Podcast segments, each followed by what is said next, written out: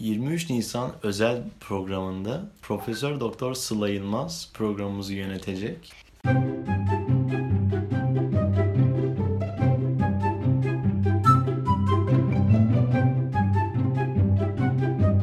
Merhaba arkadaşlar ben Sıla Yılmaz. Burası da Sağlık 101. Bugün 23 Nisan olduğu için abimin koltuğunu ben devraldım.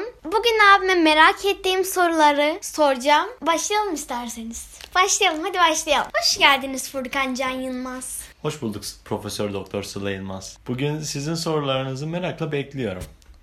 Ben de cevaplarınızı çok merakla bekliyorum. Hazırsanız başlıyorum. Tabii başlayalım.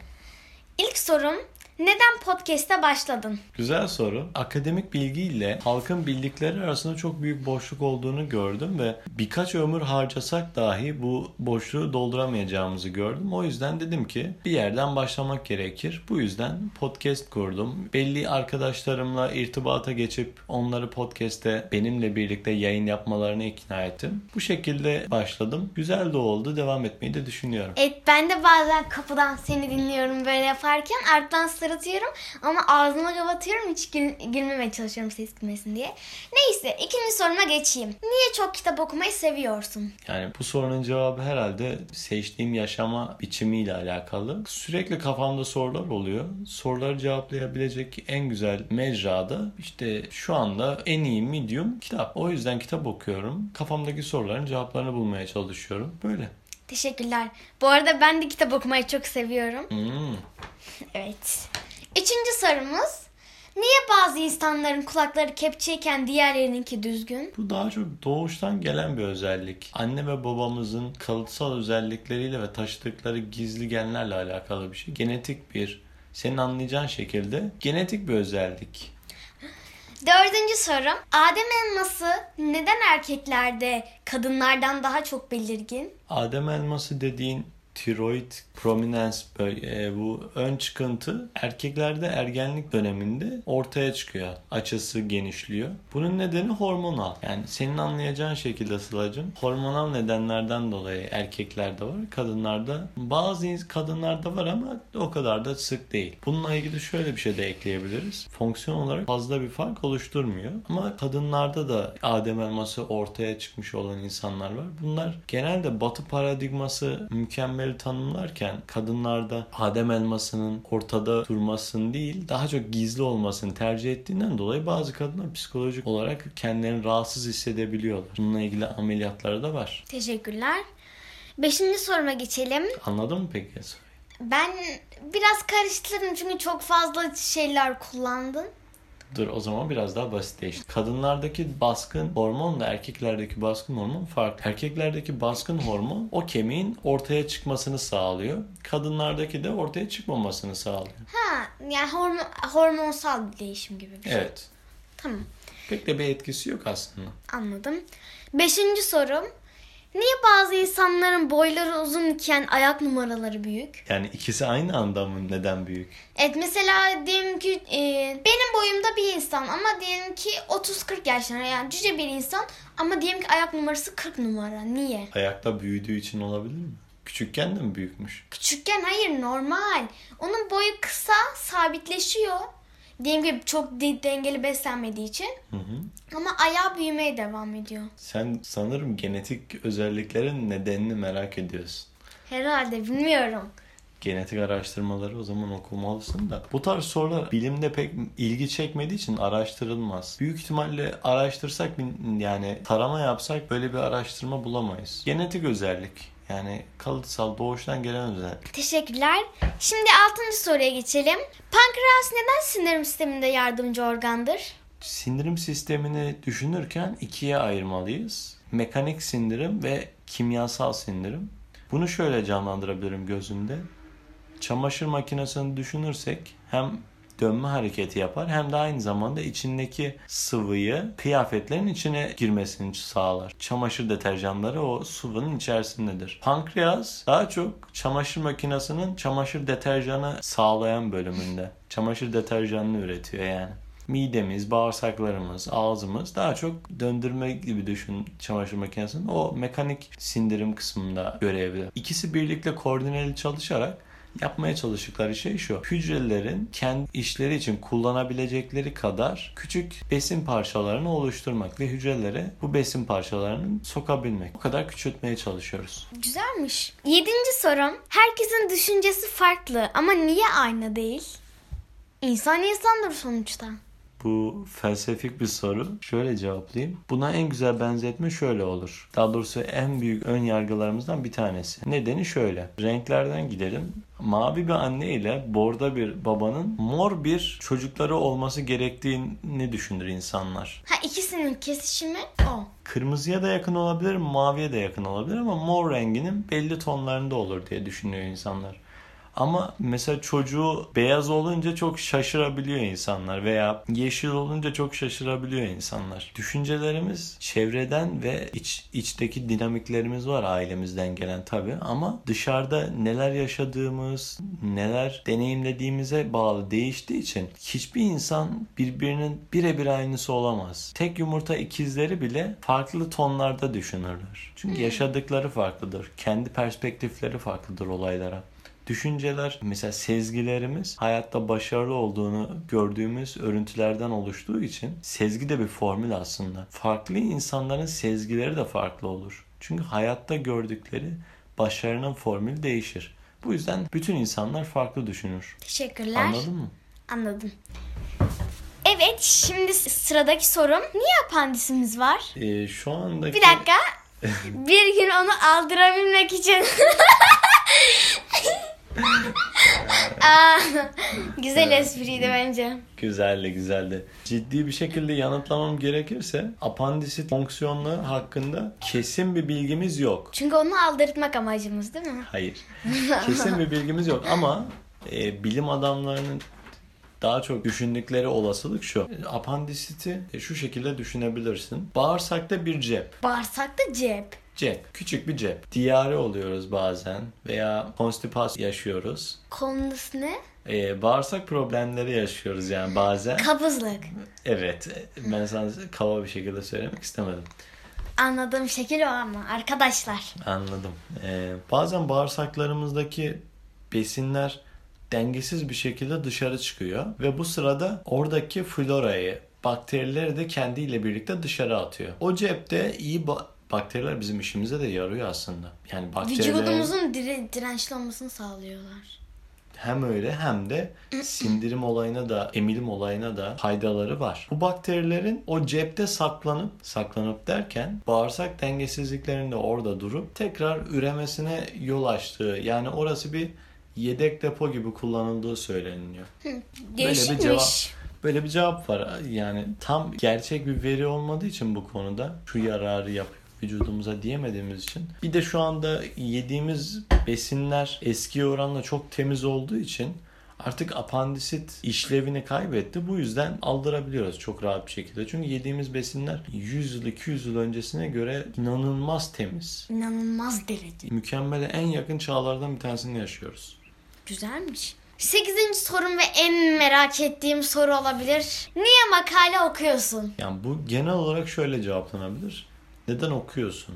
Çünkü makale okuduklarımın bir parçası. Makale neden okuyorum? Amerikan eğitim sistemi ile Türkiye eğitim sistemini sana özetleyeyim. Amerikan eğitim sisteminde öğrenciden ilkokuldan itibaren küçük metinler yazmaları, paragraflar yazmaları istenir ve öğrenciden ödev olarak alınır bunlar. Betimleme olsun ya da hikaye olsun. Yavaş yavaş liseden itibaren artık küçük makaleleri kendileri yazıyor oluyorlar. Bu makaleler de bir yerde yayınlamak için değil. Öğretmenin kontrolü altında. Zihinsel süreçlerini etki edip onları daha bilimsel düşünmeye yöneltmek için onlara küçük küçük makaleler yazdırılır. Ve bu üniversitede normal hale alır. Yani normal bir öğrenci günlük durumunda Amerika'da makale okur ve makaleden okuduklarını özetler. Daha sonra okuduğu makalelerden kendisi bir makale oluşturup yayınlamaya çalışır veya öğrenci dergilerine veya öğretmenine verir, öğretmeni değerlendirir ve hatalarını ona söyler. Bir nevi hakemli bir dergi gibi. Yani öğretmen hakem ve öğrencisinin zihinsel sürecindeki hataları, bilgi yanlışlarını düzelterek öğrencileri bilimsel düşünmeye yöneltiyorlar. Türkiye'deki eğitim sistemi ise daha çok işçi yetiştirmeye, kısa dönemde çok kısa sürede çok insan yetiştirmeye yönelik olduğu için sınıflarımız kalabalık, eğitim kadromuz az. Bu yüzden öğrenciler makale okumak yerine öğretmenlerinin okuduğu textbook ya da makaleler diyelim okudukları kaynakların tavşanı suyunu suyunu alır. Ama hakiki su yani arıların topladığı bal kovanda duruyor. Ben makaleyi okuyarak direkt bal almayı seviyorum. Balı yemeyi seviyorum. Çoğu insan da bilgiyi suyla katıştırılmış, şekerle katıştırılmış bal şeklinde seviyor. Bu daha çok bir tercih meselesi. Neden okuduğum bu. Anladın Anladım. Ee, teşekkürler. Şimdi dokuzuncu soruma geçiyorum. Ne çeşit makaleler okuyorsun? Ne çeşit derken herhalde hangi konularda makale evet, okuyorsun? aynen.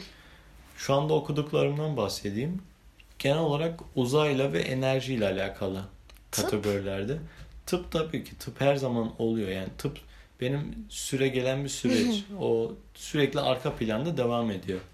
Ama şu anda merak ettiğim konular genelde uzay ve enerji konularında. Ekonomi de okuyorum bazen finans dünyasında nasıl dinamikler var. Matematik oku matematiği aslında çok severim ama matematikle ilgili okumuyorum. Makale okuyacak kadar kendim geliştiremedim. Orada bir durağanlaştım. İleride onları da okurum herhalde. Soru için de teşekkür ederim. Çok güzel bir soruydu. Ben teşekkür ederim. Şimdi 10. soruya gelelim. Buna eminim ki hepiniz merak ediyorsunuzdur. Ee, birçoğunuz da bilmiyordur ama ben şimdi öğreneceğim. Diyelim ki ben ayağımı çarptım bir direğe. Niye bir zaman sonra morarıyor ve biraz da biraz daha zaman geçince o morarlığın tam ortasına sa- sararmalar oluşuyor. Niye? Çok güzel bir soru. Teşekkür ederim. Bunun bizim için önem, önemi, doktorlar için önemi şu. Öncelikle anlattığın şey sana cevabını vereyim. Sonra bizim için önemini söyleyeyim. Senin için anlamı şu. Damarlanma oluyor ki oraya daha çok hücre götüreyim. Savunma hücresi götüreyim. Oradaki bozulan yapıyı düzelteyim. Ölü hücreleri yok edeyim. Yeni hücreler oluşmasını sağlayayım. İşte bu sararma dediğin kısım iki haftadan sonra oluşan kısım. İşte bir zaman sonra dedim ya. Ha, yaranın iyileşmesine yakın olan kısım. İyileştiğini gösteriyor yani. Şöyle bir sıralama yapıyoruz orada. Kırmızı, mor, yeşil ve sarı. En son sarı dediğin kısım senin 2 haftadan sonra, 12 günden sonraki. Aa evet o arada yeşillenmede oluyor kırmızı. Aa evet. Evet. Bunun bizim için önemi. Senin anladın mı? Yani yaranın iyileşme süreçleri onlar. Anladım. Onu belli ediyor renkleri. Bizim için önemi nasıl bir şey olabilir? Doktorlar için önemi şöyle. Mesela bir adli tıpçıya darp raporu almak için birisi gelirse yani birisi dövüldüğünü iddia ediyorsa veya dayak yediyse bir şekilde onu raporlamak istiyorsa bizim için yaranın rengi önem kazanıyor. Çünkü iki haftadan sonra sararıyor dedik ya. Evet. Kırmızıysa çok yeni bir yaradır. Morsa biraz daha eskimiştir. Ama sarıysa artık 12-18 gün arasında bir aralık söyleyebiliriz. Yaralanmanın ne zaman olduğu hakkında, yaranın ne zaman oluştuğu hakkında bir bilgi verir bize. Bu önemli bizim için. Teşekkür ederim. Rica ederim. 11. soru ve son sorum. Bu benim için gerçekten çok merak uyandırıyor. Abi 23 Nisan senin için ne ifade ediyor? Günlerden de 23 Nisan. Öncelikle senin için ne ifade etti? Ben ettiğini kendimi biliyorum. Biliyor musun? Biliyorum çünkü kendimi ben zaten benim için yapılmış bir şey zaten. Çocuklar için. Dünyada çocuklar için ilan edilmiş bir tatil gününün eşi benzeri yok. Yani 23 Nisan'ın bir kopyası daha yok. Ama bu senin için ne ifade ediyor işte? Benim için ne ifade ettiğini söylersek de çok ileri görüşlü bir liderin halkının büyük bir çoğunluğunu oluşturan insanların tanıması anlamına geliyor. Benim için çok önemli şeyleri ifade ediyor. Çocukken anlayamıyorsun bunu, sürecin içindeyken anlamıyorsun ama birazcık 23 Nisan artık seni kapsamadığı zaman 23 Nisan ne anlama geldiğini anlıyorsun. Ama o zaman da 19 Mayıs başlıyor. Anladım, anladım. Ben onu demek istemedim. Tabii orası da var. Ama 23 Nisan halkın belli bir kısmını aslında çok mutlu ediyor değil mi? Herkesi Evet. mutlu ediyor ama özellikle günün sahibi çocuklar için çok özel bir gün. Yani küçük çocuklar için aslında daha mı güzel bir gün? Mesela gençlik ve spor bayramına değerini pek bilmiyor gençler ya. Siz mesela ay hiç umurunuzda bile değil 19 Mayıs. Sen de senin için söyle ne ifade ettiğini bitirelim. 23 Nisan senin için ne ifade ediyor Sıla? Hayır ben bir şey daha diyecektim. Tam sen de, dedin mi? Dedim. Çok teşekkür ederim bu program için. Çok değerli sorular sordun bana. Ama ben sana soruyorum ki sorular. Bana E, teşekkür ederim öncelikle soruların için. Sana sorum şu olurdu. Senin için 23 Nisan ne ifade ediyor? Oo çalışmadığım yerden geldi. Çünkü gün aslında senin günün. Evet bugün benim günüm. Bu 23 Nisan benim için. Etrafta aslında mesela Özellikle bu yıl ne önemi var? bu yıl ben 23 Nisan'ı biraz daha mecburen. evet mecburen koronavirüsünden dolayı. Ee, 23 Nisan benim için bu yıl aslında diğer yıllardan daha da bir önem taşıyor. Çünkü mesela saat bugün arkadaşlar 21.00'da balkonlarda İstiklal Marşı'nı okuyacağız. Me- mesela tüm ülkenin çocuklar için bir şey yapması bambaşka bir şey ya gerçekten. Öyle mi? Evet çok güzel bir şey. Mesela ben bu yıl daha çok iste- bekledim 23 Nisan'ı. Hmm, çok Evet. güzel. Başka diyecek bir şeyin var mı Sıla Hanım? Yok çıkışı ben yapayım abi. Tabii yapabiliriz. Arkadaşlar bu podcastimizin sonuna geldik.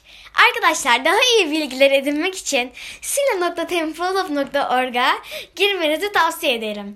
Ee, siteye paylaşılanları ben yazıyorum. Aslında daha kaliteli bir şey değil ama yazıyorum. Arkadaşlar bu arada her güne bir bilgi şeyimiz aksaklıklardan do- dolayısıyla ee, bir birkaç gün ara verdim. Beni bağışlayın lütfen. Teşekkür ederim. Podcast'imizin sonuna geldik. Bugün sizlerle 23 Nisan özel bölümüyle karşınızdaydık. Teşekkürler.